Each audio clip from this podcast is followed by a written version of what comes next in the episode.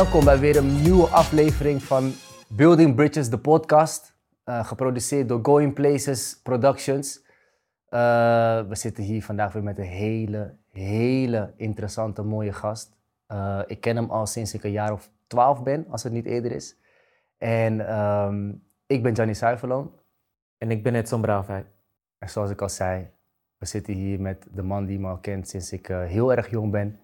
Ik ga je hele naam zeggen. Hendrikus Fraser. Kort gezegd, Henk Fraser. Ja, Ja man. welkom, welkom Henk. Ja, dankjewel. Eh, Henk, thanks dat je hier bent. Ehm, super interessant. Want we kennen elkaar natuurlijk al eh, sinds we heel jong zijn.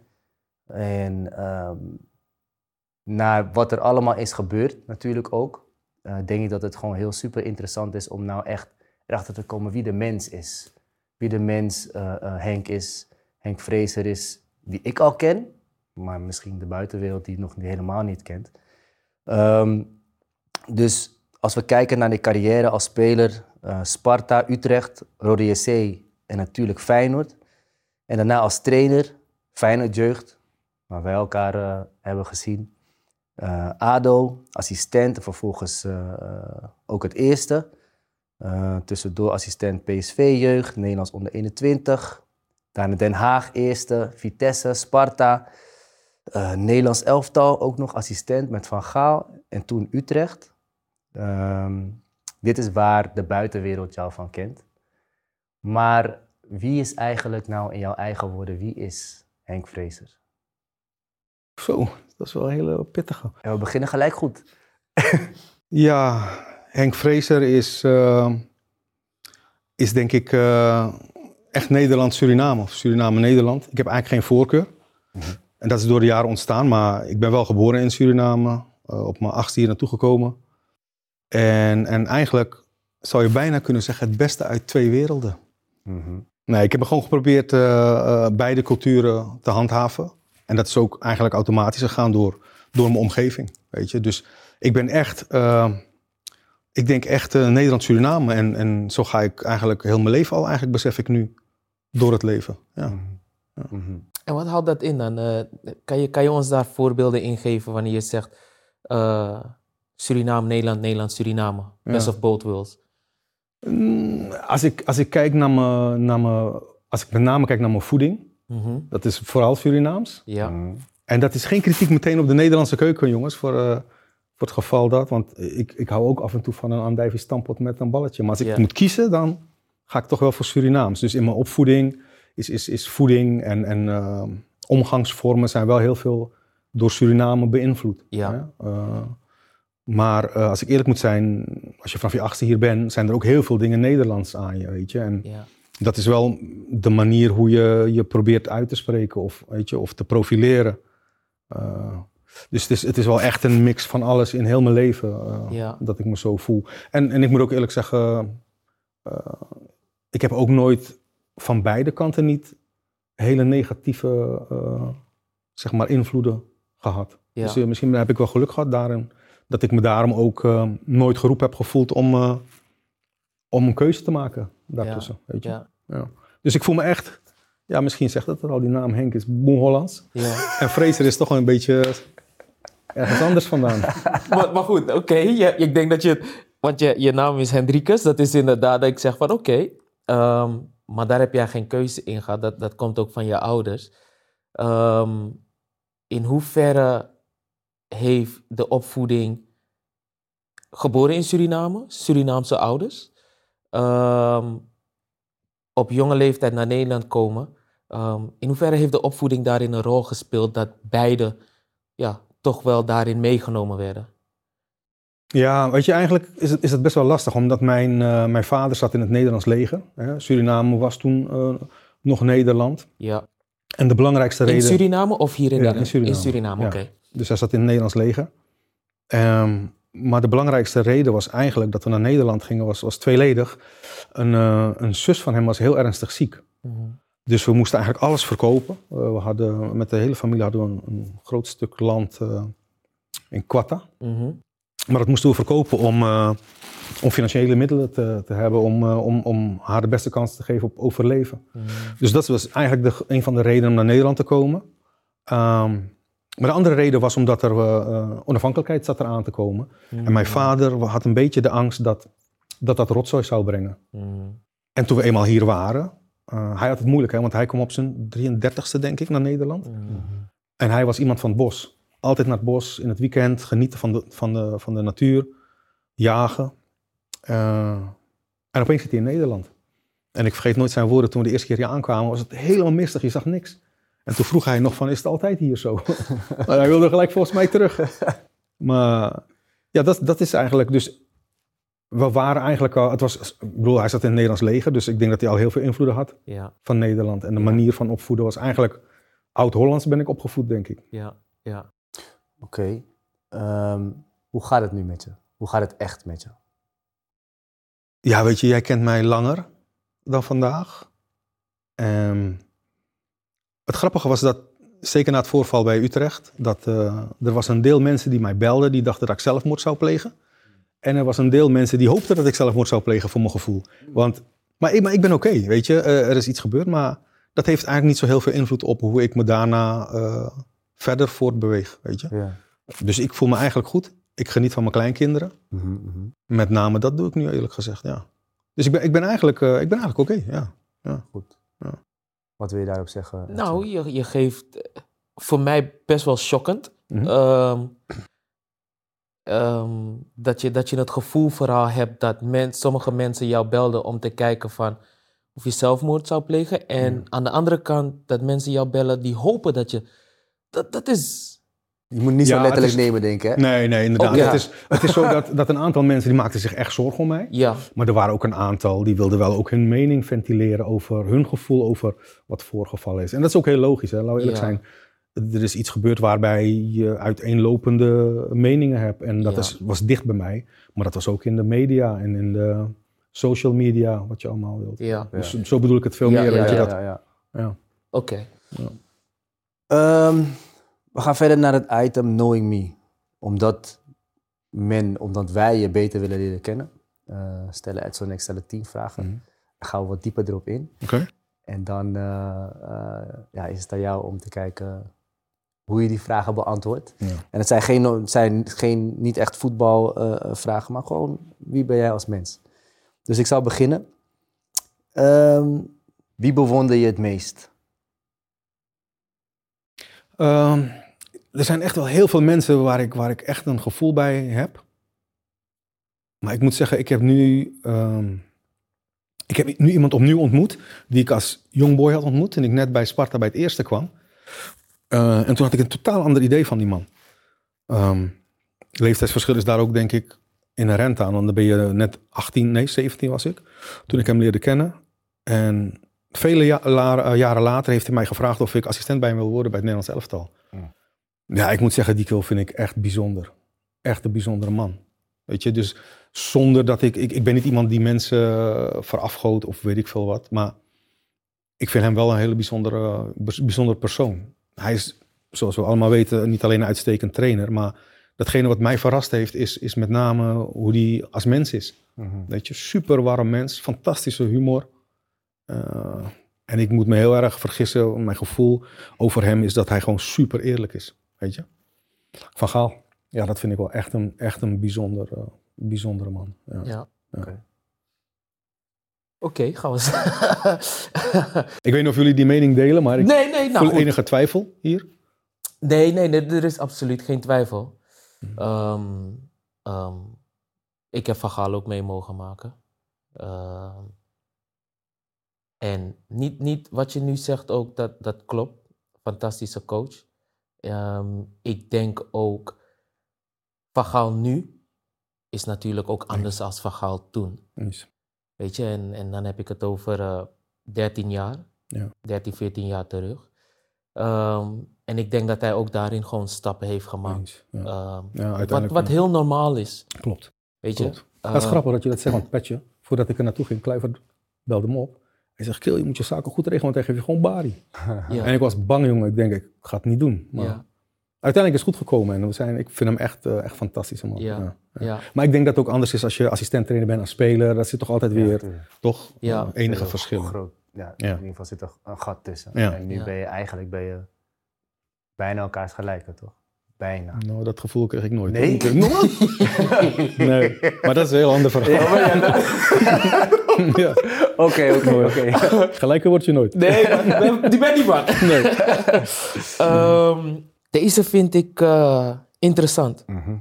Waar heb je het meest voor moeten vechten in je leven?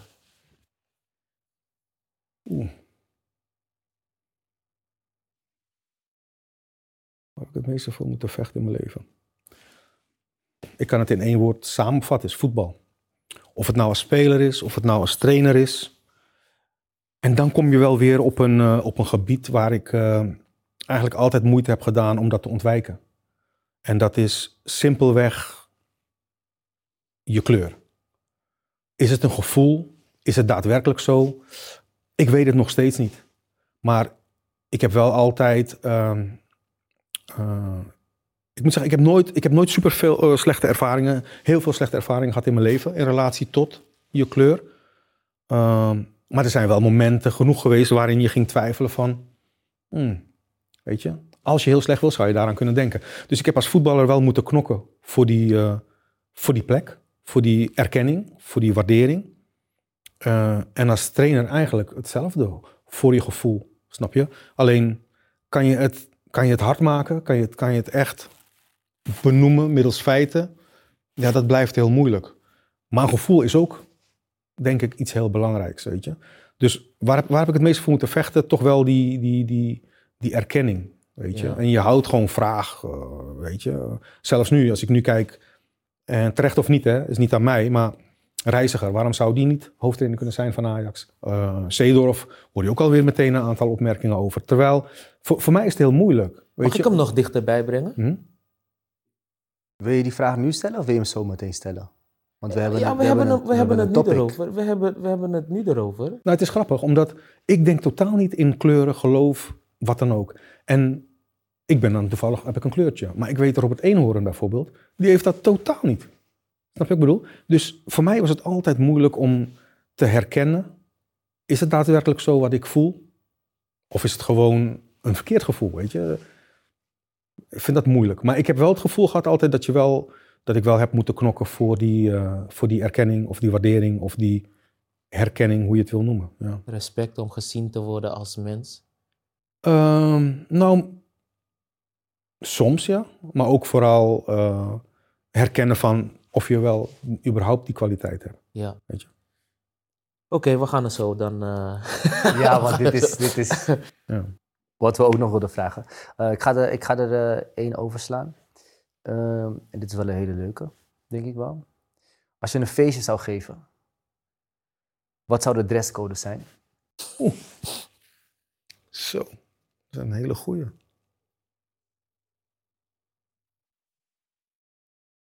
Ondanks dat ik er zelf niet, niet heel veel in loop, ik vind, eh, is wel, moet ik eerlijk zeggen, gerelateerd naar de vrouw. Ik vind vrouwen in mantelpakjes vind ik fantastisch. Ga ik niet over liegen. Oké. Maar daarin zie ik dan ook heel graag een man in kostuum of wat dichtbij. Ja. Weet je, ik vind, eh, zoals ik vrouwen fantastisch kan vinden in mantelpakjes, kan ik mannen in kostuums kan ik fantastisch vinden als het ze staat. Deze man bijvoorbeeld, ik noem hem altijd mooi boy, want die had, hij had altijd mooie kleding aan. Ja. Niet per se eh, dat je kostuum, maar het was altijd wel... Dus kostuum of in ieder geval wat Gianni altijd aan had vroeger toen hij bij ADO. Want ik dacht dat hij dressman, dressboy kill was in plaats van voetballer. Maar dan zegt hij, maar dan kwam hij zelf kwam die helemaal, helemaal in pak. Ja. Maar dan niet zo. Dan liep helemaal zo. Dus ik weet wat hij bedoelt. ik weet Ja. wat hij bedoelt. Ja. ja, dus dat zou die dresscode zijn. Wel, Oké. eh, ja. ja. Oké. Ehm, ik heb een aantal keren ehm, tegen je mogen spelen. Als, als, als, ik als speler, jij als coach. Ehm, ik heb, ja, we hebben wedstrijden. Ik heb wedstrijden van je gezien waar je als coach. eh, maar ook je, je, je uitstraling. Snap je? Je hebt een uitstraling van een strenge leermeester. Oké. dat is als ik jou niet ken en nu leer ik je kennen en dan denk ik, je bent heel flexie. Snap je? Maar als ik naar je kijk, ook als trainer en eh, toen ik als speler en jij als coach, ik was altijd van, oeh, met die moet je niet fikken. Hmm. Ja, ja, ik denk, Jan heeft me meegemaakt eh, als jeugdtrainer.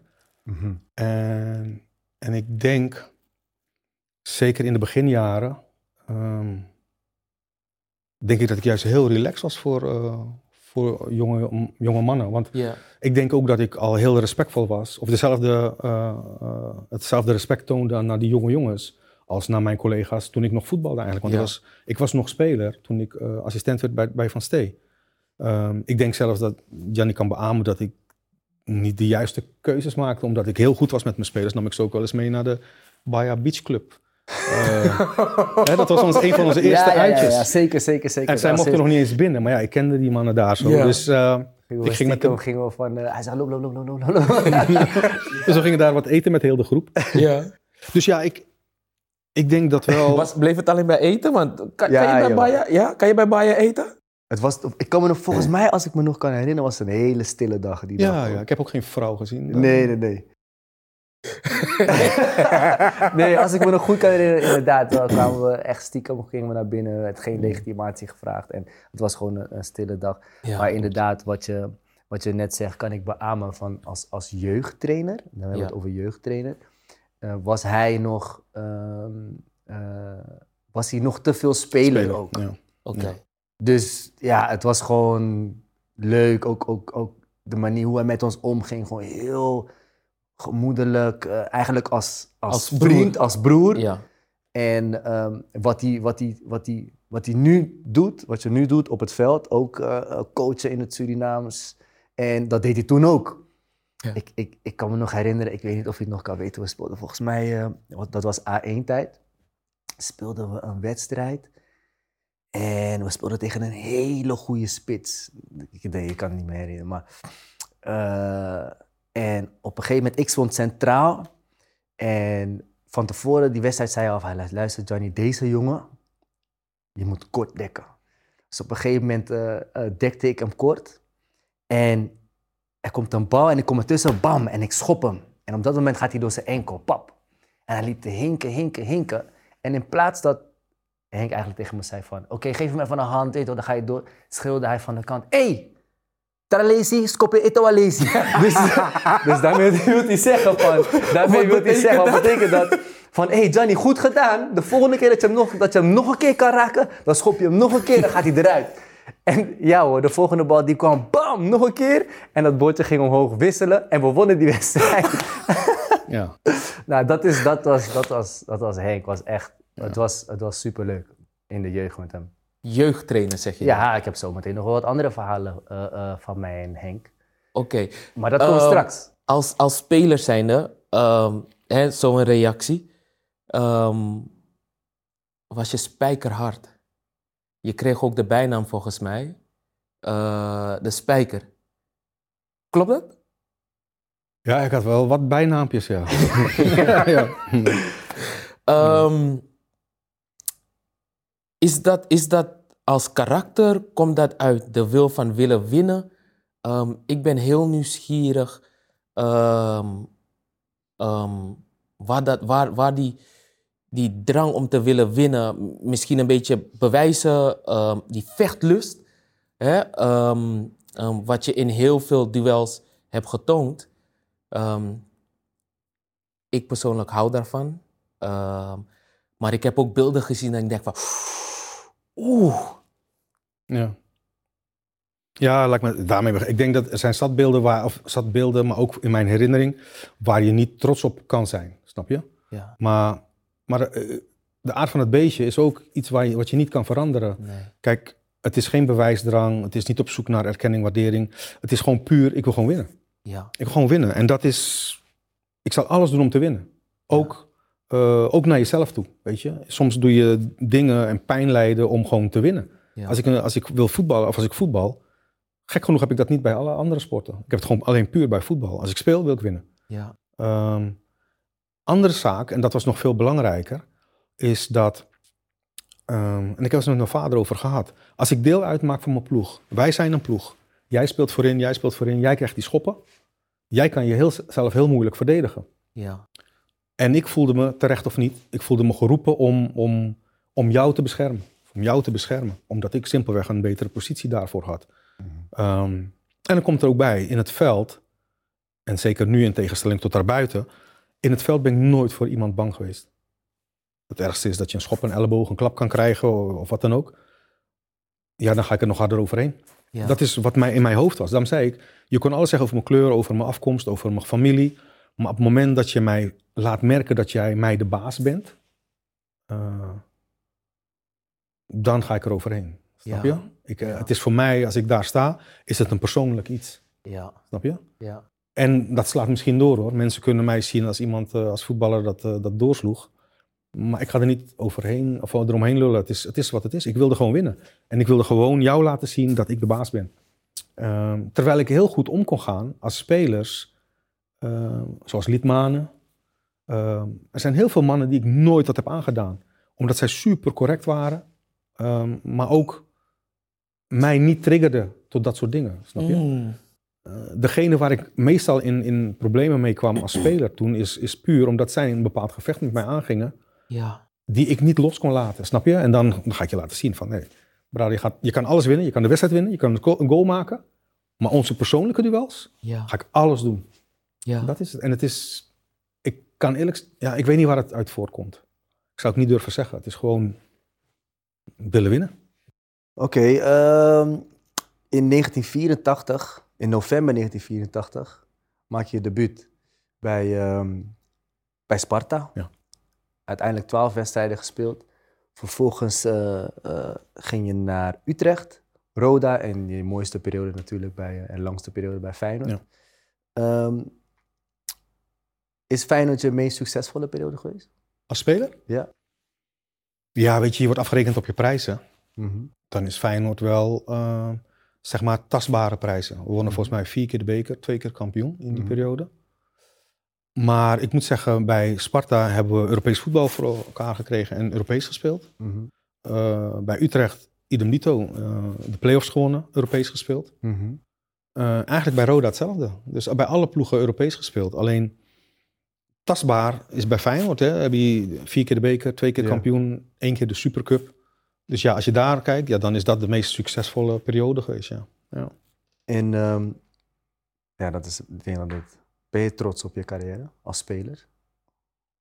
Of Ehm, zat er meer in? ja, weet je, dat, ook zelfs dat vind ik moeilijk, weet je. Omdat er zijn mensen, ook toen, toen ik nog voetbalde, die zeiden van, ja, luister, dit is Frezers en Max. Maar Arie Haan, Van Hanegem, die zeiden van, nou, Fraser kon veel meer. Weet je, uiteindelijk gaat het erom, ben jij tevreden? Ben jij, kan jij ermee leven? Mhm. Weet je? Ik ben er wel trots op dat ik bij, eh bij Feyenoord heb kunnen spelen, als ik eerlijk moet zijn. Dat vind ik wel echt een mooie club. En, en de club voor mij zijn wel de supporters. Ja. Niet per se de club aan zich. Ik bedoel, ik heb nu bij zoveel clubs gezeten, ook als trainer daar, eh, waardoor je heel veel liefde hebt voor verschillende clubs. Mhm. Uh, maar, uh, maar Feyenoord is wel altijd voor mij, uh, die gun ik wel het beste, omdat ik daar wel negen jaar als speler, negen jaar als trainer, Ja. heeft wel een heel groot gedeelte uitgemaakt van mijn, van mijn voetballeven, weet je. En wat is je grootste succes als speler? Poeh.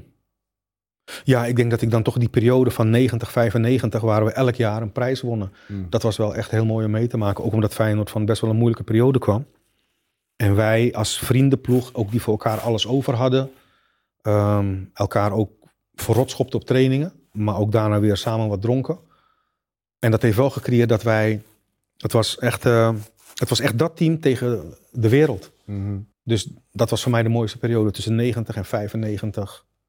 Uh, het was eigenlijk aan één stuk door prijzen pakken. Weet Ja. je? Dus het was niet één moment, maar meer een, uh, een serie wedstrijden. Of serie seizoenen. Oké. Okay. Maar laten we eerst verder gaan met de stelling. Uh, Henk Vrezen is een betere trainer dan speler. Ja. Ja? Ja, denk ik wel. Waar komt dat vandaan? Omdat ik meer heb nagedacht over het vak. Mm-hmm. Mijn, mijn grootste tekortkoming achteraf is dat ik als speler um, te weinig heb nagedacht over het vak voetbal. Ehm, in jullie tijd is dat al aanzienlijk verbeterd, maar in mijn tijd, luister, we hadden geen diëtisten, performance. Ja, eh, dan had ik het geluk nog dat ik een bepaalde bouw had. Ehm, ook eh, een bepaalde fysieke eh, eh, kwaliteiten had.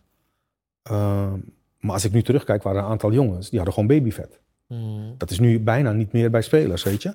Ehm, dus als, als trainer eh, denk ik dat ik verder ben als dat ik als, eh, als speler ben geraakt. Omdat ik eh, nu veel meer, veel meer dan als voetballer geïnvesteerd heb in, eh, in het vak voetbal. Mhm. Eh, dus als trainer in plaats van als speler. Duidelijk. Duidelijk. ja. Duidelijk, ja, Ja. heel duidelijk. Eh, dan gaan we verder naar je carrière als trainer. Eh, trainer geweest van ADO, roerige ADO-periode. Daarna Vitesse, roerige Vitesse-periode. Eh, daarna Sparta, fantastisch gedaan. Vrij rustig. Assistent van Louis van Gaal en FC Utrecht. Ehm, op welke periode ben jij het meest trots als trainer? Ehm, kijk, de buitenwacht is altijd op zoek naar iets tastbaars. Nou, dan begin ik meteen bij de beker winnen met Vitesse. Dat, dat is iets tastbaars. En vooral omdat je de eerste bent, tot nu toe de enige bent. Dat geeft wel een bepaalde, dat merkte je toen ook, dat geeft wel een bepaalde waarde. En, en voor mij de grootste kick was eigenlijk uiteindelijk toen we op, eh, op dat plein kwamen. En dat we met al die mensen dat gingen vieren. Eh, dat was echt heel bijzonder. Maar bij mij, ik kijk naar andere dingen die voor andere mensen niet zo belangrijk zijn. Met ADO heb je zelf meegemaakt, toen ik het, eh, toen ik het over moest nemen van Maurice Stijn.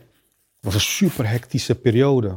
Ehm, dan ben je uit het niets ben je hoofdtrainer. Ehm, dan krijg je te maken met een club waarbij je niet alleen hoofdtrainer bent, onervaren, ook meteen eh, je moet bemoeien met de spelers die er gehaald worden.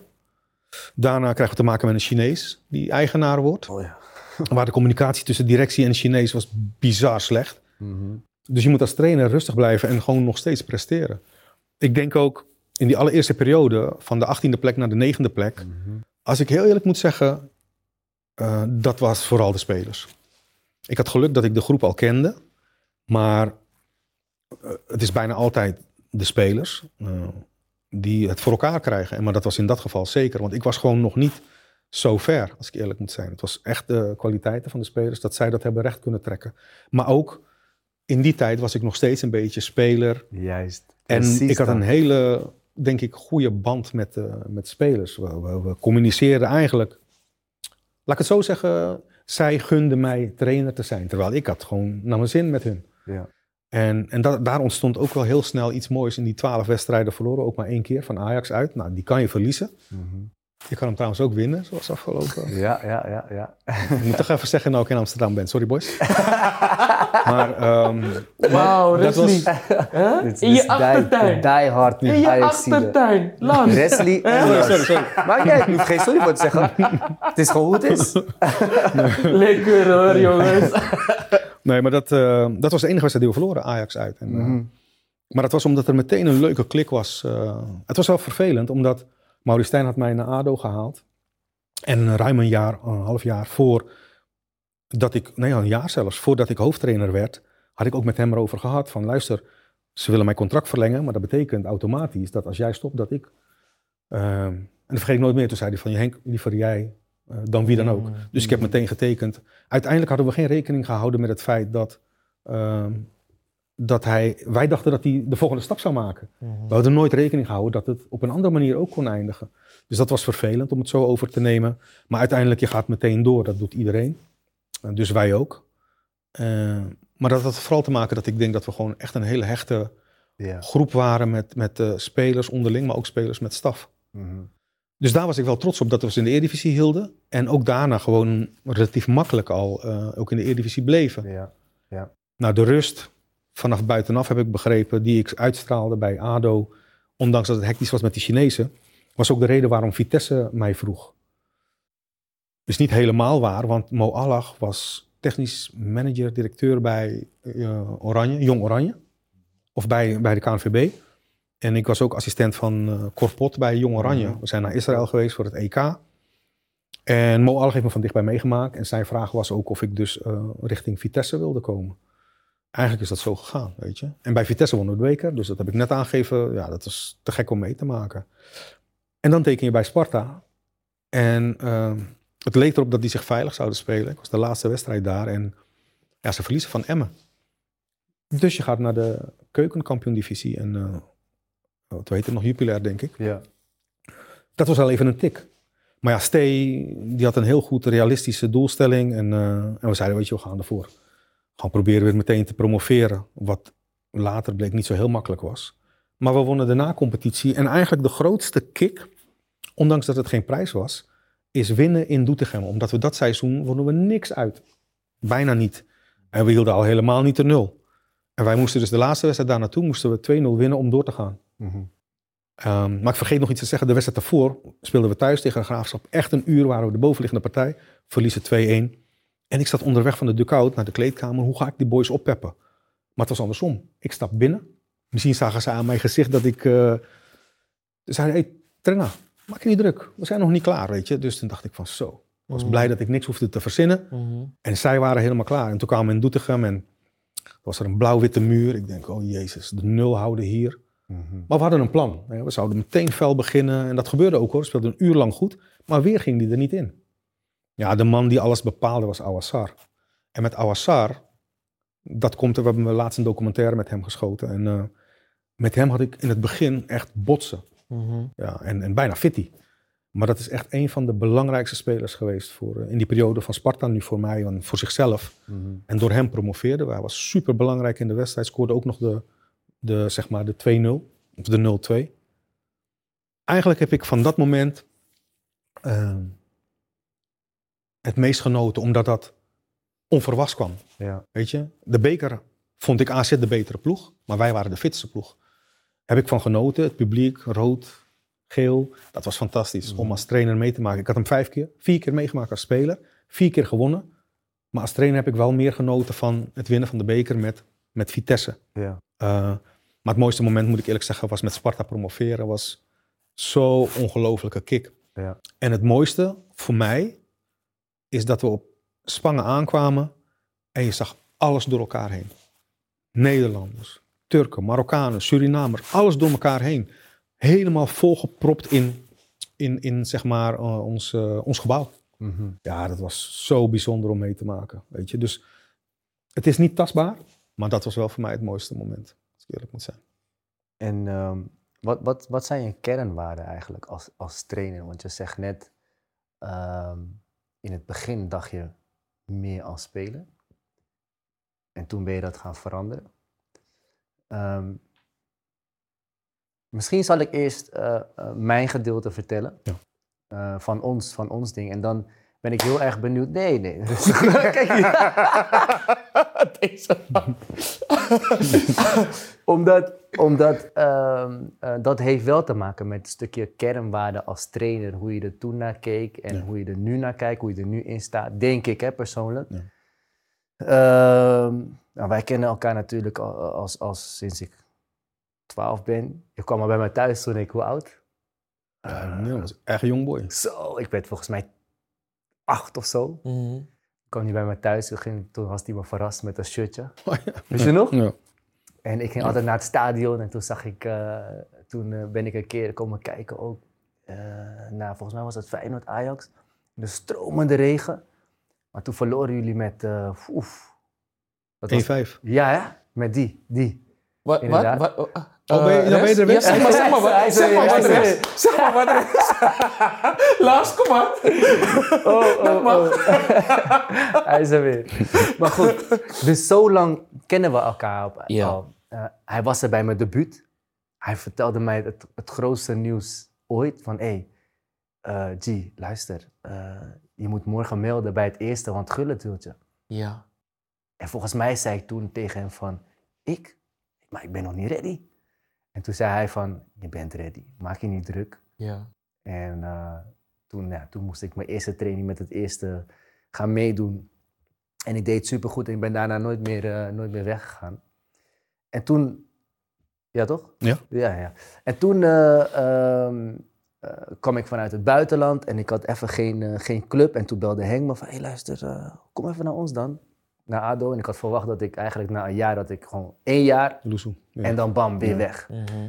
En uiteindelijk is het, eh, is het toen twee of drie jaar geworden. Maar goed, in het begin, toen Henk trainer eh, werd, toen was het meer een speler-spelerband. Want hij, was nog, hij, was van, hij kwam van assistent en iedereen Mhm. was ah, lachen, gieren, bullen. En toen ging het fantastisch. En ik heb het gevoel dat op het moment dat je echt het besef kreeg van, hey shit, ik ben geen speler, mattie-mattie meer met die spelers, maar ik ben nu echt coach Mhm. toen gingen een aantal eh, eh, dingen veranderden bij jou.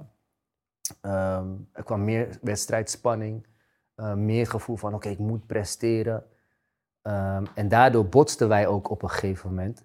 En ik moet eerlijk zeggen dat dat me best wel pijn heeft gedaan, omdat we elkaar zo lang kennen. En we eigenlijk nooit erover gesproken. Dit is de eerste keer dat we erover praten.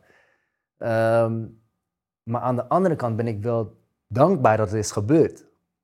Ehm, en zo, kijk, Henk en ik hebben een, een, een hele goede band. En op dat moment was er een moment op, op training. eh, was er, eh, kleine partijtjes. En ik werd alleen maar geschopt. Omdat net zoals Henk was ik Messi op de training. Ik was de beste. En, eh, maar is wel waar. En ik werd heel net geschopt. Maar deze man floot nooit als ik een schop kreeg. Ja. Dus op een gegeven moment werd ik boos. En omdat we elkaar al zo lang kennen, begonnen we te schelden in het Surinaams naar elkaar toe. Ja. En ehm, we hebben dat eigenlijk hebben we dat nooit meer uitgesproken. En op een gegeven moment kon ik naar Amerika. En daarom zeg ik, ik ben, eigenlijk ben ik super dankbaar dat je me eh, dat dat toen is gebeurd. Want ik kon naar Amerika. Ik had een kleine, heb een kleine, die was toen net geboren. En ehm, door dat incident speelde ik niet meer op een of andere manier. Dat weet ik niet, daar ga ik misschien zo achter komen. Eh, ik speelde niet meer. En we botsten heel erg. Ehm, en toen ging ik naar Henk toe, zei ik, Henk, luister, ik moet spelen, want ze komen nu vanuit Amerika, komen ze hier naartoe vliegen. Kan je me alsjeblieft laten spelen, want ik speelde al twee of drie wedstrijden niet. En toen zei hij, op een gegeven moment zei hij tegen mij van, eh, hij zegt, sorry man, maar je gaat niet spelen, want ik wil winnen, zei hij. Ja. En, ehm, dus ik, ik, eh, en op dit moment vind ik dat jij niet in goede doen bent. Mhm. En voor, mij, voor hem gaat het meer om winnen, waar het altijd om ging, ook als spelen, dan om mij te laten spelen. En daar was ik super boos over, super teleurgesteld over. Maar aan de andere kant, achteraf gezien, ben ik super blij. Mhm. Want stel dat ik had gespeeld, was ik naar Amerika gegaan en kon ik mijn kleine Mm. niet meer zien. Mhm. Dus voor mijn gevoel, alles gebeurt met een reden. Alleen ik had wel het gevoel dat je toen eh, er anders in zat dan in het begin. En hoe komt dat? En hoe ben je nu veranderd als coach? En wat zijn je kernwaarden dan, daarin? Want je zegt net in het begin ging je meer als speler. En daarna ben je veranderd. Mm. Kunnen we misschien eerst antwoord krijgen op deze specifieke situatie tussen jullie twee op de training en hoe dat uiteindelijk, eh, misschien voor jullie beiden, misschien alleen voor jou, daarom ben ik ook wel nieuwsgierig naar jouw eh, verhaal, hoe dat uiteindelijk is gaan groeien of gaan broeien, weet je? Een, een, wat ik hoor, een hele speciale vriendschap, hè? relatie vooral ook. En uiteindelijk door training of een specifieke situatie en uiteindelijk misschien uit elkaar is gegroeid. Mm. Daar, daar, daar, daar ben ik eerst nieuwsgierig naar. Ja. Ehm, kijk, dat, dat, dat speler-trainer, een, een spelerrelatie, Ja, dat is hoe ik het liefst zou willen werken. Eigenlijk nog steeds. ja, Maar je gaandeweg ga je steeds wel meer merken dat het van beide kanten best lastig zo te, te handhaven is, als Ja. ik eerlijk moet zijn. Ehm, in die periode, en eigenlijk is dat nog steeds wel zo bij mij hoor. Kijk, ehm, ik was een keer ergens met Gullit en was mijn zoon erbij. En Gullit begon te praten met mijn zoon en zegt, voetbalt hij ook? Ik zeg, nee man, hij kan helemaal niks voetballen. En Gullit kijkt naar mij, hij zegt, Kil, hoe kan je zo praten over hem? Ik zeg, ja, maar moet ik tegen hem zeggen, je kan fantastisch voetballen als je niet kan voetballen? Mhm. Hij heeft andere kwaliteiten, maar hij, hij is niet zo. Hè? Dat, is, dat is, ja, weet je. eh, Als wij in een team spelen en mijn vader speelt bij het andere team. ik hou van niemand meer dan mijn vader, bij wijze van spreken. Maar ik heb mijn vader altijd gezegd, zij zijn deel van mijn team. Als je hem skoppel geeft, schop ik jou. Hmm. Dus dat is altijd het principe bij mij geweest. Dat, ehm dat ehm Tyrone Eboué ging spelen. Mhm. En die deed het goed. Mhm. Snap je? Nee, weet je wie ging spelen? Nee? Want ik stond centraal. Wilfried Kanon. Ja, maar dan was het jouw schuld. Want jij bent echt beter dan... dan is het jouw schuld, ja. nee, Wilfred had Dat zijn we uitgeluld. ja, dat was het. Nou weet ik het weer trouwens. Hij had Ja. als voordeel dat hij... Hij was linksbenig. Ja. Snap je? Dus je had een linksbenig centrale verdediger en een recht, eh, rechtsbenig centrale verdediger. Dus daar had het denk ik deels mee te maken. Maar ehm, ja, wat ik ook al zei, ik ben wel iemand als, als we trainen. Je kan, je kan tegen mij voor de training zeggen van trainer, vandaag... Je kan me bellen 's ochtends en zeggen van trainer, vandaag heb ik niet zo'n zin man. Dan dek ik je. Ja. Maar als je komt trainen, moet je trainen. Snap je? Dus ik heb altijd nog steeds zo gewerkt. Mensen kunnen mij bellen en zeggen van... eh, dat vind ik minder erg om dat te doen als dat eh, we trainen en, en je traint half. En, ehm, en in die periode... eh, kijk, ik had Gianni niet voor niets gevraagd, omdat hij bij Feyenoord al, vond ik... Trouwens, het is ook zijn schuld dat ik nooit kampioen ben geworden met Feyenoord A-jeugd. Van hem en van Ruud Gullit. Want eh, hij ging naar het eerste en... Twente uit Je geloof krijgt ik, heel eh, veel de schuld. Ja, ja, ja. is niet erg. Ik neem het. Dus, eh, Mooi, Nee, mooi. nee. Oké. nee, ik moet, wel zo, ik moet wel heel eerlijk zeggen dat ehm, datgene wat ik als speler had, natuurlijk heb je dat deels ook als trainer, als Ja, mens. Je ja. wil gewoon winnen. En als ik het gevoel heb van, oké, hij vult het beter in. Of ik nou meer gevoel heb bij hem, ik ga spelen met die anderen. Ja. Dat doe ik wel nu nog steeds. Ik zou zeggen bij alle teams. Ik had bij, ehm, bij, eh, bij wie was het nou? Welke ploeg was het nou? Was ik echt gek op die speler. Maar, ehm, maar ik vond de andere, als ik eerlijk moet zijn, was op dat moment beter. Ja. Ja, dan ga ik dat doen. Ondanks dat ik persoonlijke voorkeuren heb. Ja. Dat ga ik nooit leidend laten zijn. De, de groep gaat voor, de ploeg gaat voor. Nog zelfs boven mijn persoonlijke voorkeur, weet je. Ja. Dus, dus daar zat het hem denk ik ook in. Het is, ik denk niet dat je er heel veel aan hebt. Maar ik vond op dat moment dat, ehm, dat misschien het linkerbeen weer belangrijker dan eh, mijn persoonlijke voorkeur als, Mhm. als mens. Snap je? Mhm. En, eh, hoewel Canon is ook een fantastische gozer, Ja, vind ik. ja, zeker. Maar ehm, ik ga niet ontkennen, Gianni was wel een van de mensen waar ik als mens heel veel gevoel bij had. Ja. Niet alleen als speler, maar ook hoe hij is als mens. Ja. Hij, is, hij is altijd relaxed naar iedereen, altijd netjes en altijd beschaafd. Jouw moeder heeft dat absoluut fantastische job gedaan. En ehm, dus dat moest ik soms wel opzij zetten, weet je. Omdat ik dacht aan winnen. En ik dacht ook in simpele vormen van... Als deze twee mannen het verdienen... Ja, dan ga ik ze niet eraf halen, omdat ik... Oké. Daar zat het er meer in. Oké. Mhm. I hear you. Ehm, eigenlijk, als ik het zo hoor, hè, een relatie dat opgebouwd is. Ja. Geen van jullie beiden neemt dan vervolgens die stap daarna om te zeggen van hé, hey, we voelen er is spanning. Let's talk about it.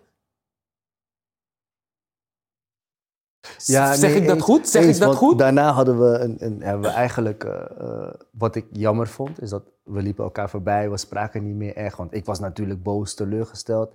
Jij was op dat moment boos, waarschijnlijk doordat ik eh, disrespectvol naar jou ben omgaan op een manier waar iedereen bij was en wat eigenlijk niet hoorde. Heb ik wel ook mijn excuses voor aangeboden, maar het boterde niet.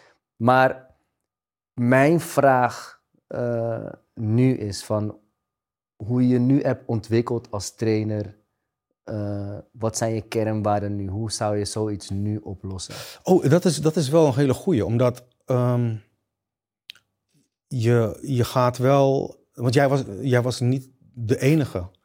En bij mij was het zeer zeker niet omdat je ehm, in emoties had geschreeuwd. Want ik vind, ik vind eerlijk gezegd, heb ik ook altijd tegen mijn spelers gezegd, emotie hoort erbij. Mhm. Als ik fluit, kan je me uitschelden. Je kan zeggen, hey, trainer, flikker op en weet ik veel wat. Mhm. Zou ik geen moeite mee hebben. Je kan het zelfs twee keer doen. Maar het moment dat je drie, vier, vijf keer doet en je komt dichtbij, dat zijn momenten dat ik het kwijt kan raken. Zeg je heel eerlijk. Maar, eh, maar niet, niet Ja. ik, ik vind dat sport is emotie. Dus je, je kan me bari geven. Dat is geen probleem. Maar het is wel, wel bij me blijven hangen, omdat het te maken had, omdat wij wel meer dan gemiddelde band hadden. Mhm, mhm. Ehm, en daarom raakt het me juist niet dat je ging schreeuwen, eerlijk Mhm. gezegd. Ehm, wat- Maar we wat- gingen wel, op een gegeven moment gingen we wel naar elkaar toe. En dat triggerde jou volgens mij ook. Oh, dat weet ik niet eens meer. Dat Ja. niet eens meer. Ja, dus ik denk dat dat je ook wel heeft getriggerd. Mm. Maar goed, hoe ga je daar nu mee om? Nou ja, kijk, de grootste waar ik van geleerd heb, eh, is eigenlijk Duplan. Ik was bij Sparta en ehm, we speelden een wedstrijd. Ik had Duplan ingebracht. En nog steeds, de tactische reden, sta ik nog steeds achter om Duplan weer eruit te halen. We moesten iets anders gaan doen en dat paste niet zo goed bij, bij Duplan. En Bij Duplan had ik min of meer een gelijkwaardige relatie als met jou. Ehm, maar ik wisselde hem weer. Dus hij was des duivels. Hij is dan niet op mij afgekomen. Maar, ehm, maar dat heeft wel mij doen veranderen om wat meer ehm, rekenschap te houden. Weet je, met ook de mens achter de voetballer en ook wat minder mijn gevoel van winnen. Omdat ehm, achteraf heeft dat me wel geraakt dat ik een van de mensen waar ik wel gek op ben, eh, wel heel veel pijn heb gedaan door erin te brengen, eruit te halen. Nogmaals, tactisch nog steeds 100% een legitieme keuze. Maar nu, als ik voor de keuze zou staan met exact dezelfde omstandigheden, zou ik het niet doen, nee. Klopt. Niet? Nee. Ik dacht juist wel, maar Ja, daarna om- op een goede manier Ja, ik, ik, ik, denk, ik denk dat daar misschien het verschil in gemaakt kan worden. Ehm, Maar moet ik het goed uitleggen? Omdat, ja, dat is achteraf gelul, maar de wissel pakt ook niet goed uit. Oké, Oké, dus dat, Nee. nou goed, oké, maar, dan, maar dan, dat weet je ook niet van tevoren. klopt. Weet je, en ja, jij bent als coach en daar hoor ik ook van, jij bent daarin de eindverantwoordelijke. En als jij een bepaalde visie en gedachte hebt, dan ben ik ook wel van mening dat een, een, een, een, een relatie buiten voetbal om, Ja. daar in principe geen invloed op mag Nee. hebben, want het gaat om het teambelang, Ja. waarbij een speler heel vaak dat teambelang niet, Niet heeft. Ja. heeft, Of niet heeft. begrijpt, niet in kan zien. Ehm, ik praat ook uit eigen ervaring. Ehm, maar waar ik dan weer op terug wil komen, jongens, ehm, en ik, ik, ik bedoel het goed, hè, ehm, maar ik wil wel ergens naartoe, is dat waarom heeft het zo lang geduurd dat wij nu, dat jullie nu dit bespreken met elkaar? En waarom is er eerder vanuit jou, Gianni, of vanuit jou, Henk, niet contact geweest? Wat een goede relatie is geweest. Eh, Hè? Geen idee. Dat, daar, daar, geen idee. Ik denk dat, want daarna, eh, eh, volgens mij ging jij weg. Ja. Eh, daarna ging ik ook weg. En we zijn elkaar eigenlijk nooit meer echt. eh, Oké, Gianni. Maar zeg ik, elkaar bellen, dat is inderdaad. bullshit, inderdaad. Ja, nee, klopt. Ik was, van mijn kant was ik nog heel erg hurt. Ik was, Ja. ik had, was heel erg hurt en ik had toen geen eh, behoefte om dat te doen. Maar, maar ik moet eerlijk zeggen, we zijn nu, ik ben nu volwassen, laat me het zo zeggen. Jij was toen al een hele tijd volwassen.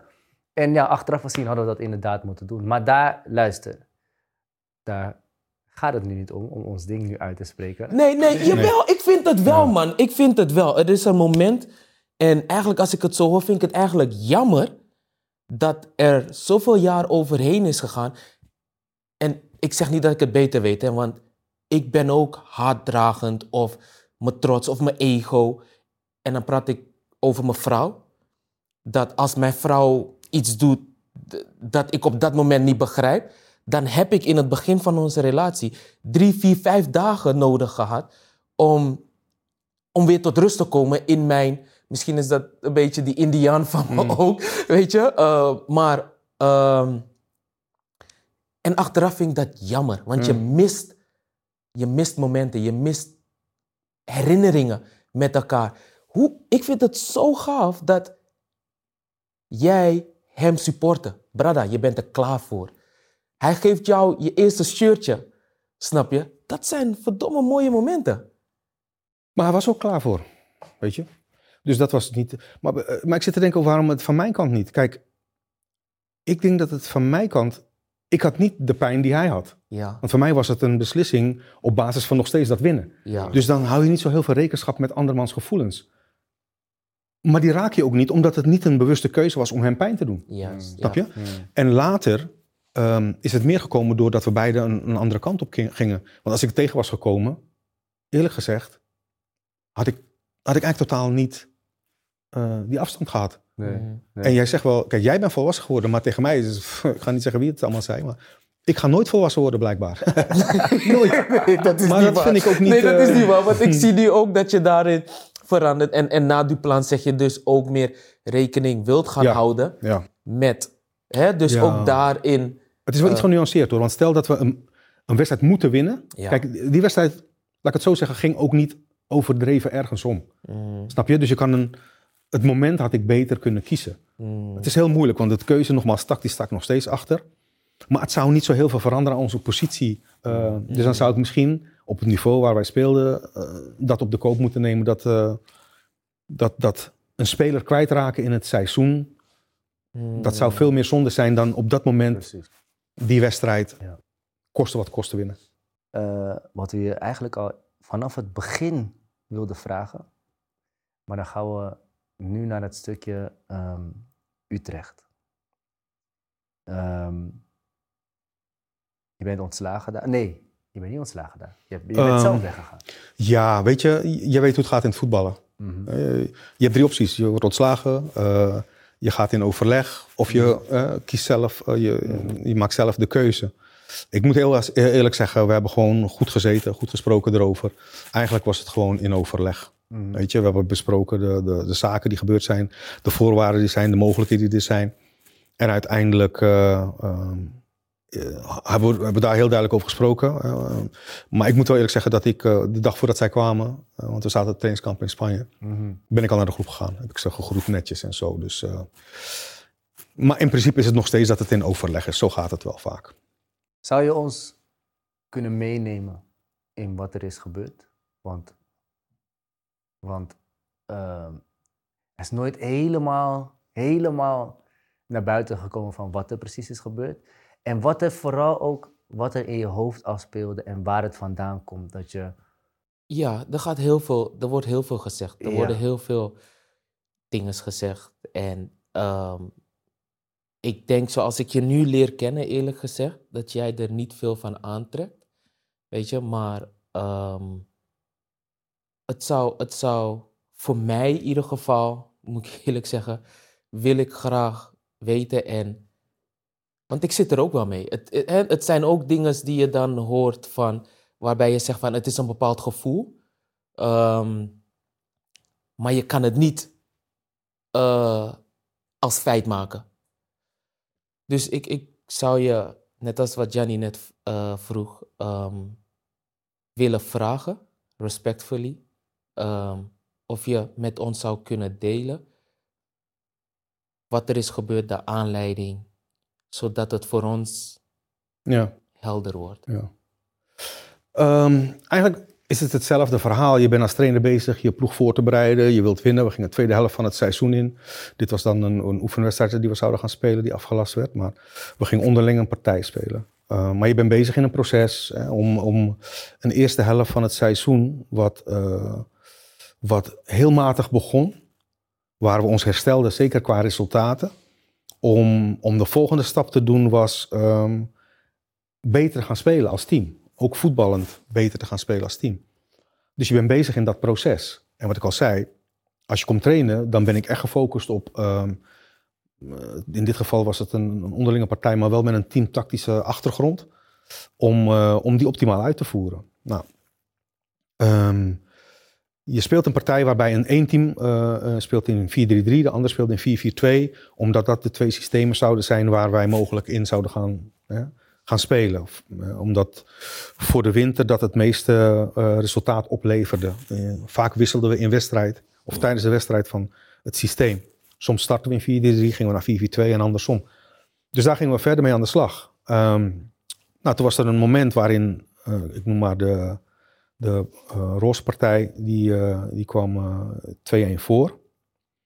En halverwege ging ik naar de groene partij om aan te geven dat zij moeten spelen vanuit het systeem, vanuit je positie, maar ook die taken die daarbij horen. En wat gebeurt er? Waar het roze partij in de eerste helft relatief makkelijk die 2-1 voorsprong had en misschien zelfs 3 had moeten komen, kantelde de wedstrijd. Um, het, groene, het groene team ging het fantastisch invullen. Nou, het werd van 2-1 werd het 2-2, 2-3, 2-4, 2-5. En er kwam wat irritatie ook bij de roze ploeg. Dat is ook helemaal normaal, heel logisch. Um, Toen werd er gescoord, maar ehm, de Roze Partij vond dat er een overtreding aan vooraf ging. Ehm, ehm, maar de scheidsrechter liet doorgaan. Maar de bal ligt in het doel. Wie En- was de scheids? Uh, Urbi, Emmanuel. Oké, oké. En ehm, de bal wordt uit het net gehaald en de bal die, wordt, die rolt weer richting, het midden, middenlijn, richting de middenlijn. En er ontstaat een gesprek, discussie of opmerkingen vanaf een speler richting Urbi. En daar zit je vanaf de, want ik, ik ging aan de zijkant staan, want ik wilde dat vanaf de zijkant bekijken. Maar de discussie duurde zo lang, waarop ik begon te schreeuwen van, hé, hey, kunnen we nou door? Maar niemand reageerde. En bleef maar doorgaan, de discussie. In het Surinaams? Of in Nee, nee, nee, in het Engels. Oké. In het Engels. En ehm, Dus je kan ook Engels praten. Engels, Duits, eh, Nederlands, is het, is Surinaamse Engels of is het Engels, Nee, Engels, ja. Alleen van Gaal is iets beter. ja, Nee, maar eh, Engels, Engels, ja. ja, oké. Dus daar ontstond een te lange discussie. En op een gegeven moment, ja, dan ben ik het zat. En zei ik, hey, shut the fuck up. Weet je, dat schreeuwde ik twee, drie keer. Maar niemand reageerde nog. Dus toen liep ik het veld in. En, eh, en de desbetreffende persoon eh, zei ik van, hey, get out. Nee, naar binnen. Maar ik raakte hem op zijn schouder en ik duwde hem die kant op. Weet je. En toen draaide hij zich om naar mij van, hey, niet aan me zitten. Weet je. En dat triggerde mij. Wat ik al zei, eh, je kan beter tegen mij iets zeggen over mijn kleur of over me, als dat je zo gaat zeggen, hey, niet aan me zitten vriend. Nog steeds is het mijn.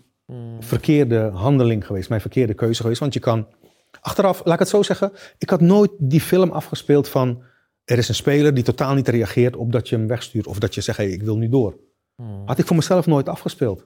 Want anders had ik gezegd, we gaan met z'n allen naar binnen. Mhm. Zo, de oplossing was zo simpel. Hmm. Weet je, en dat nam ik mezelf achteraf kwalijk. En toen pakte ik een beet. Toen, weet je.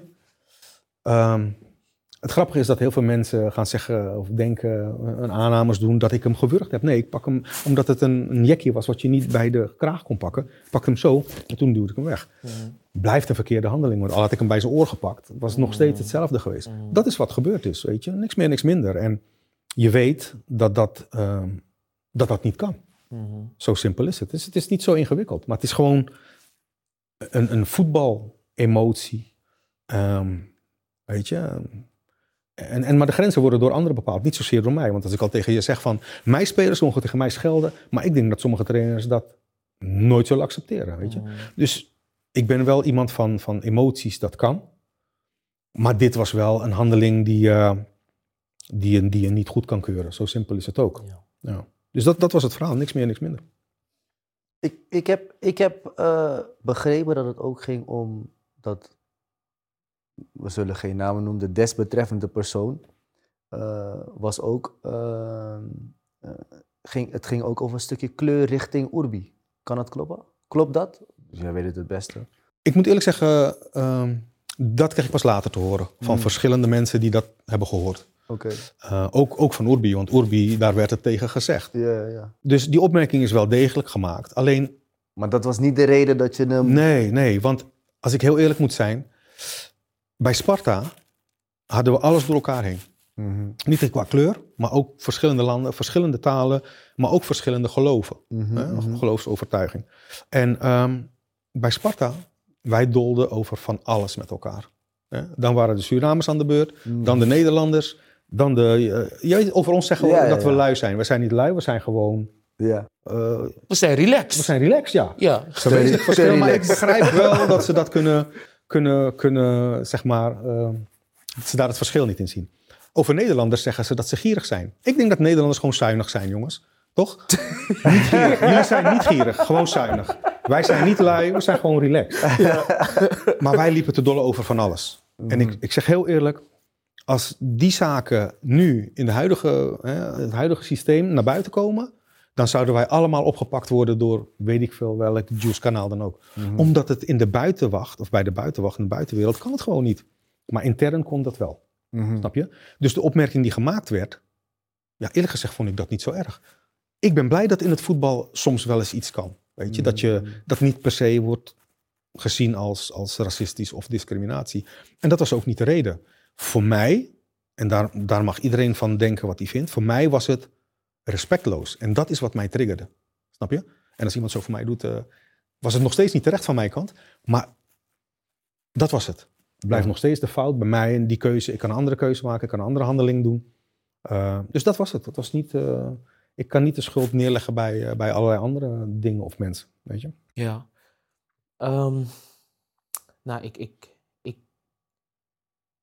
ik kan niks anders doen dan wat jij nu uitlegt, hoe je het uitlegt. Ik proef het. het. Het lijkt alsof wij in heel veel verschillende situaties hetzelfde pad hebben Mm, bewandeld als speler, en maar vooral het gevoel. ja.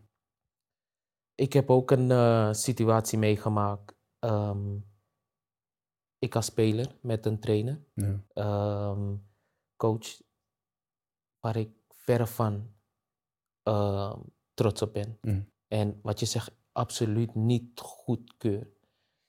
Ehm, en dat is eigenlijk met, de, met wie jij eh, in het begin opgenoemd hebt, van Gaal. ja. Dat was bij mijn Bayern-periode. Ehm, dat er, hè, het is gecommuniceerd dat er een, een, een- heftige discussie is geweest. En ik ben daarin wel een speler die heel respectvol is, of een mens die heel respectvol is en men ook met respect behandelt. Ehm, nou goed, het, was, het, was, het waren twee momenten, situatie, we spelen HSV uit. Ehm, ik zit op de bank, ik word gestuurd om warm te lopen. En ehm, in de eerste 10 minuten al. Ik ga warm lopen, 45ste minuut, eh, rust. Ik kom in de kleedkamer. Edson, door blijven lopen, want je komt er zo in. Linksback, toen de tijd Pranic, die heeft problemen. En je komt er zo in. Op een gegeven moment loop ik de hele tweede helft loop ik ook warm. En eh, ehm, weet je, het is niet leuk. Ik kom in de kleedkamer. Ik kom in de kleedkamer en ik, eh, ik ben natuurlijk teleurgesteld. Ik schaam me. Ik ben boos. Ik, noem al die emoties die je maar kan hebben. Ehm, die, die, die heb ik. Ehm, en trainer komt binnen en uh, zeer goed gemacht, jongens. Uh, we hebben gewonnen und uh, uh, zeer goed gemacht. En hij kijkt die rond, hij, die deur, hij komt binnen en hij zegt het gelijk. Ik zat net naast die deur. En hij kijkt rond. Hij zegt, oh Edson, Jezus, ben je helemaal vergeten. Sorry. Ik zeg, ja nou. Okay. Geen probleem. Snap je? Dus Ja. we gaan verder. Die week daarop spelen we Gladbach uit. Waar er drie spelers beschikbaar zijn. Um, de rest was ziek, geschorst of geblesseerd. We hadden drie veldspelers en één uh, keeper. Ik, Alaba en Müller. En um, Prani staat weer linksback. En hetzelfde. Eerste tien minuten. Hij wordt kapot gemaakt door uh, Reus. Uh, Reus heet hij toch? Hoe ja, die later naar Dortmund Die later ja. naar ja, Dortmund ja, ging. Maakt hem kapot. Edson, waarom lopen? Oké, okay, ga warm lopen. Wederom, rust. Ik ga naar binnen.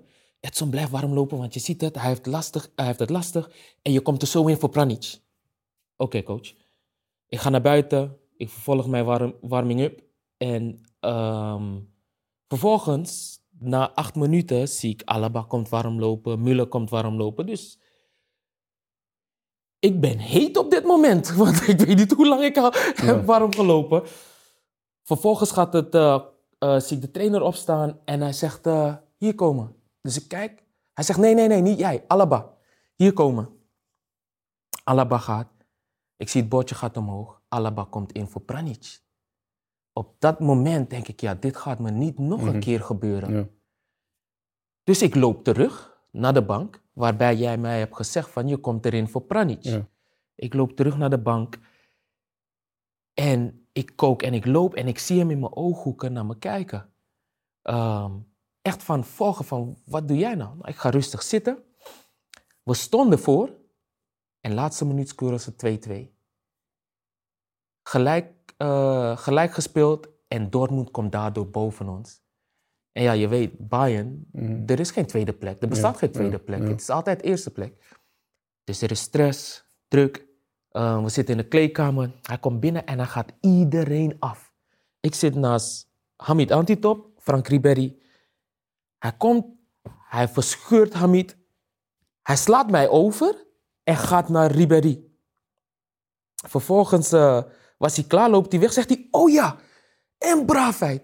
Wie denk je wel niet dat je bent? Ik ben de baas hier, niet jij. Ik zorg ervoor dat je nooit meer aan de bak komt hier. Op dat moment heb ik nog controle en heb ik nog mijn verstand om te zeggen van ik wil niet in deze situatie, niet in deze sfeer het gesprek aangaan met jou. En nou helemaal niet zo, want dat, dat, dat gaat niks worden. Dus ik blijf rustig. Hij is klaar. En in die kleedkamer had je nog een andere kleedkamer ehm, voor de coaches, zeg maar. Dus hij loopt daar naar binnen.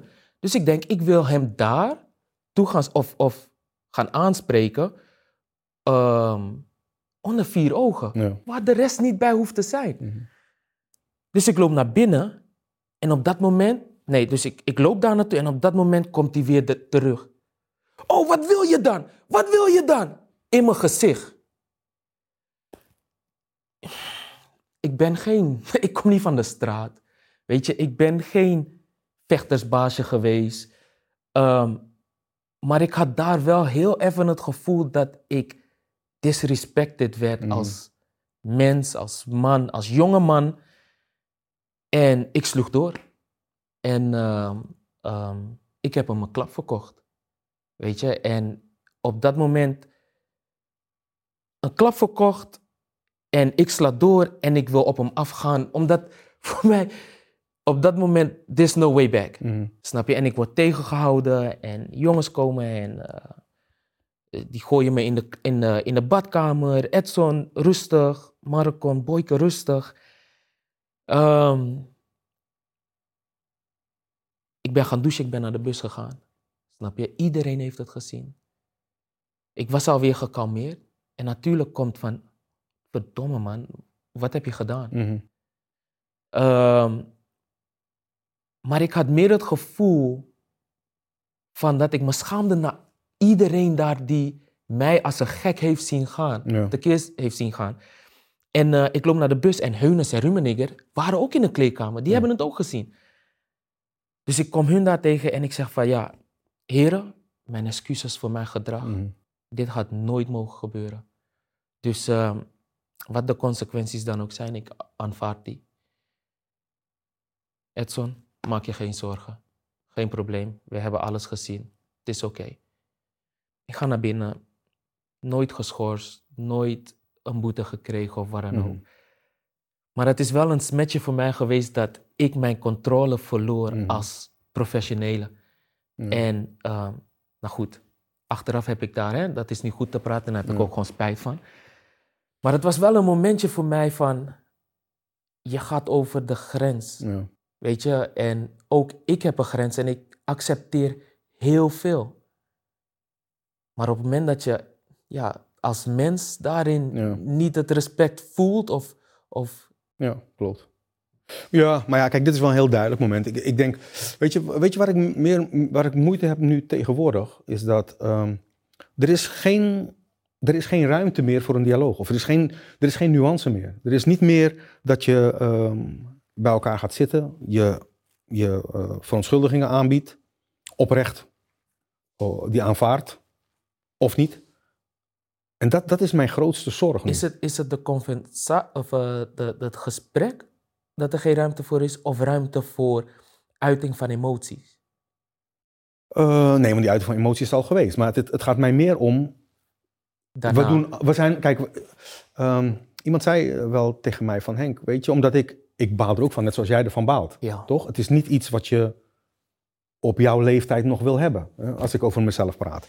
Ehm, maar er zei, iemand zei heel, heel grappigs tegen mij. Hij zegt, hey Henk, luister. Doe normaal, man. Hij zegt, je bent geen slecht mens. Je bent slechts een mens. Snap je? Je bent ik- geen slecht mens. Ja. Je bent Je bent slechts een mens. slechts een mens. Ja, weet je? Dus we hebben allemaal onze. Het, het punt is, is dat nu. Er wordt je geen ruimte meer gegeven om jouw fout te herstellen. Mm. In meer of mindere mate. Er is ook geen nuanceverschil. Je wordt genoemd in, in eh, wat is het, Eh, grensoverschrijdend gedrag. Er waren mensen die mij een app stuurden die dachten dat ik een of andere kinder... eh, zo bizar is het. Dus men, men is zo... Het is voor mij in zijn totaliteit een heksenjacht aan het worden. En het is ook voor mij duidelijk, het gaat niet om rechtvaardigheid. Het gaat om wie kunnen we afslachten. Het is een afmaakcultuur geworden, snap je? Terwijl het gekke is, is dat ehm, als ik kijk naar Jannie en mij, gezien onze historie vanaf kleins af aan, eh, jongs, jongs af aan, kan dit gebeuren dat we tegenover elkaar komen te staan. We hebben eigenlijk door omstandigheden nooit meer eh, contact gehad met elkaar. Maar ik weet zeker, als wij gelijk waren gaan zitten, ik had hem uitleg gegeven. Dus dat is een, een tekortkoming van mij. Ik had deze man gewoon uitleg moeten geven daar op dat moment. Beter dan dat ik gedaan heb. Hadden we waarschijnlijk elkaar weer een brassa gegeven en we gaan verder. Zo zag ik het in mijn geval ook. Ook met Younes, want ik heb tegen geen enkele speler is het eh, persoonlijk. Mhm. Totaal niet. Weet je? En ehm, er zijn wel natuurlijk gradaties hè? eh, in de buitenwereld, maar ook in het voetbal. Snap je? En daarom zeg ik, mensen doen allerlei aannames. eh, en op basis daarvan zeggen ze van, oké, dit is meteen de consequentie. Dus is eigenlijk heel raar. Snap je? Laatste twee vragen. Wat zijn nu nog je, je, je doelen en ambities? Ehm, weet je, het grappige is, een tijd geleden, toen ik eigenlijk begon ADO en ik maakte de stap Vitesse, toen zat ik echt te denken in vervolgstappen. En, eh, en achteraf heb ik die wel degelijk gemaakt, want ik kwam bij Jong Oranje, ik kwam bij Oranje. Maar ehm, eigenlijk na Vitesse ben ik daar helemaal mee gestopt. Ik ben voor Sparta gegaan, zeiden mensen van hoe kan je dat doen? Je komt van een bekerwinnaar, hè, door omstandigheden ga je weg. En, Mhm. en dan ga je die stap maken naar Sparta die nota bene ook nog eens Jupiler League gaan spelen. Mhm. Ehm, ik doe heel veel op mijn gevoel. En dat ga ik wel blijven doen. En dat levert me soms iets heel moois op. Maar soms mis ik ook heel veel. Maar het is waar ik me goed bij voel. Als iemand komt en die zegt van... ehm, die komt met een reële doelstelling... Hè, en die is bereid om met elkaar iets op te bouwen of wat dan ook. Het maakt mij eigenlijk niet zoveel uit. Ja. Eigenlijk, ik zou nu wel het liefst een keer naar het buitenland willen. Dat is wat me echt super trekt. Weet je? Ja. Eh, ja, want als speler alleen Nederland. Klopt. Het was een bewuste keuze wel hoor. Want Ja. ik kon naar heel veel eh, clubs. Echt vooral Duitsland. En Dortmund in, echt in de mooie tijd. Eh, Montpellier. een club in Noord-Spanje, ik ben even de naam kwijt. Sociedad speelde Mhm. toen op het oosten. Dus ik heb wel kansen gehad. Alleen, ja, op dat moment was, was Feyenoord voor mij eh, de club van mijn vader. was geen twijfel over mogelijk dat ik daarvoor eh, ging spelen. Omdat ik zag mijn vader helemaal opbloeien. Ja, ja, Weet je? En, eh, en daar heb ik ook geen spijt van gehad, weet je. Maar ik zou nu wel een keer naar het buitenland willen. Aan de andere kant, je kent dit land, je kent de cultuur, je kent de clubs. Maar ja, we gaan het zien. Wat het. Oké. Ja. Ik wil gewoon max presteren, waar het ook is. Welke omstandigheden het ook is. Ja. ja. Eh, we hadden je nog gevraagd om een item mee te nemen. Is dat gelukt? Oh, nee man. Nee. Item. Ja, toch? Oeh, wat had ik... Ja? Hij je dat wordt- niet hij gezien? Wordt een, hij wordt een stukje ouder nu. Maar als ik- is ja, dat is wel. je, stuurde me ook een appje van, hé, hey, waar is het adres? ik het wel verstuurd. Had je dat in een mail gedaan? Nee, in die app. Zo, kill. We gaan dadelijk even checken. maar het is ook leeftijd. Ja, ja, ja, geen probleem, geen probleem, geen probleem. Maar niet uit, ja, dan, dan slaan we dat stukje Maar wat zou- uit. wat Maar, zou- maar wat- heb je wat- een item? Ja, als ik iets voor jullie mee had moeten nemen, is iets waar ik. eh, wat, wat voor mij eh, een van de leukste dingen is die ik doe. Na ADO, we zijn met ADO zijn we een keer naar eh, Suriname geweest. En eigenlijk vanaf dat moment probeer ik om de twee jaar, of elk jaar, of twee jaar, of drie jaar, of vier jaar, probeer ik naar Suriname te gaan. Waarom? Omdat ik ben verslaafd aan het bos. Ik vind het Mm. bos, het binnenland zo mooi. Mm, En ehm, ken je Inginotto? Inginotto is een hele keiharde noot. En het lijkt eigenlijk, de binnenkant lijkt meer op een kokosnoot of weet je, de inhoud. Maar het is een noot die op sommige plaatsen in Suriname alleen maar voorkomt. Inginotto noemen ze hem ook. mhm. En eh, je merkt, ik ben er trots op dat ik Indiaan ben. Maar die noot is zo fantastisch lekker. is een Alleen Indianennoot, hè? Ja, Dus, eh, Indianennoot. ja. En het is eigenlijk, het lijkt wel een hele grote walnoot, maar het is kei en keihard. En die, sommige plekken in het bos komt die alleen maar voor. Mhm. En eh, je moet echt met een, met een kapmes proberen hem, hem te... Want het is echt een bizar harde noot. Maar de, de hazen en zo, de herten, die knagen het gewoon open, hoe hard het ook is. Dus, dus dat had ik dan meegenomen, als ik eerlijk moet zijn. Omdat dat het beste weergeeft waar, waar mijn grote liefde is in het, in het bos met, me, met mijn neven. Mhm. Ver weg van heel veel mensen. Ja. Ja. Ja. Dus eh, En Ja. als, als mede-Indianer zou het mooi zijn. ja, man. Maar goed. Ja. Nou, dan weten we dat... eh, Nou, dan moeten we dat misschien een keer gaan plannen, zeker, man. Zeker, zeker, zeker. Ja, toch? zeker. ja, man. Jullie zijn welkom. Oké, ehm, Henk, eh, je hebt ons meegenomen ehm, van begin tot eind eigenlijk. En ehm, we hebben je leren kennen, ook weer op een andere manier. Eh, je, hebt ons, je, hebt onze, je hebt je gedachten met ons gedeeld en daar zijn we super blij mee. We willen je bedanken dat je hier op de bank hebt gezeten. Ehm, ook bedankt dat ik mijn verhaal met jou kon delen. Ehm, bedankt dat je jouw verhalen hebt gedeeld. Eh, en ook weer nieuwe kennis naar buiten hebt gebracht, waar denk ik aan ieder van zou kunnen leren. Ik Of ga je niet? Even, ik ga je even stoppen, Gianni. Ja, Je bent al bezig met die aftiteling, maar we hebben nog één vraag die we altijd je hebt stellen. helemaal gelijk. Je hebt helemaal gelijk. Ehm, ehm, en dat is ehm, met alle ervaringen hè, ehm, van begin tot aan nu. Ehm, wat voor advies zou je jezelf als 16, 17-jarige Henk Fraser, Hendrikus Fraser willen geven? Je hebt gelijk. Als speler. Nou, als Mens. 16, 17-jarige. Hè? Dus, dus Ja. waarom we die vraag stellen is omdat dat, we vinden dat een leeftijd dat best wel ja, bepalend is Mm. voor eigenlijk het bewust worden, voor groeien naar volwassen en de stappen die daarin gemaakt worden. Ja, weet je, het is een advies wat ik inderdaad een aantal jonge mensen om me heen aangeef.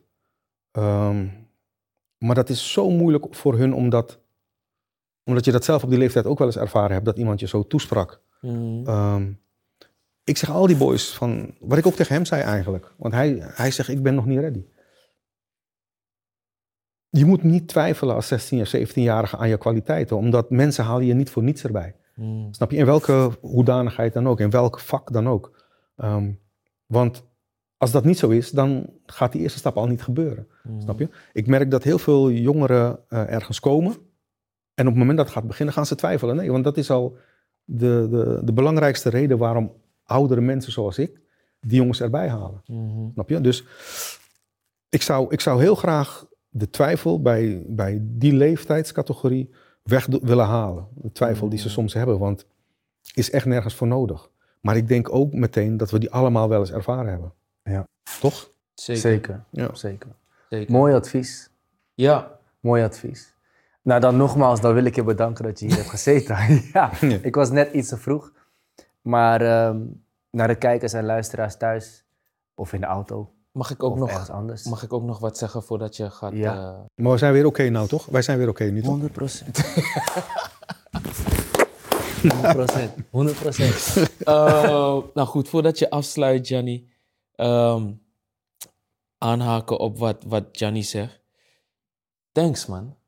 Dankjewel voor de uitnodiging. Echt waar. Ehm, ehm, ik, heb, ik heb weer wat geleerd van jou ehm, als persoon. En eh, ook je kijk op, op eh, bepaalde zaken. En heeft mij ook weer nieuwe inzichten gegeven. Hoe ik dat verder zou kunnen gaan verspreiden. Weet je? Dus ik, ik, ik wil je echt waar complimenten geven ehm, voor de mens die jij nu bent. Ehm, En ga vooral zo door, als ik dat mag zeggen. Ook met je kleinkinderen, ook met je kinderen. Vooral, elke keer als ik je app of bel, dan is het van... Oké, wacht even, mijn kleinkinderen, weet je. Dus, ehm, maar ja, ga vooral zo door, man. En, en, en heel erg bedankt. Jullie bedankt nogmaals voor de uitnodiging.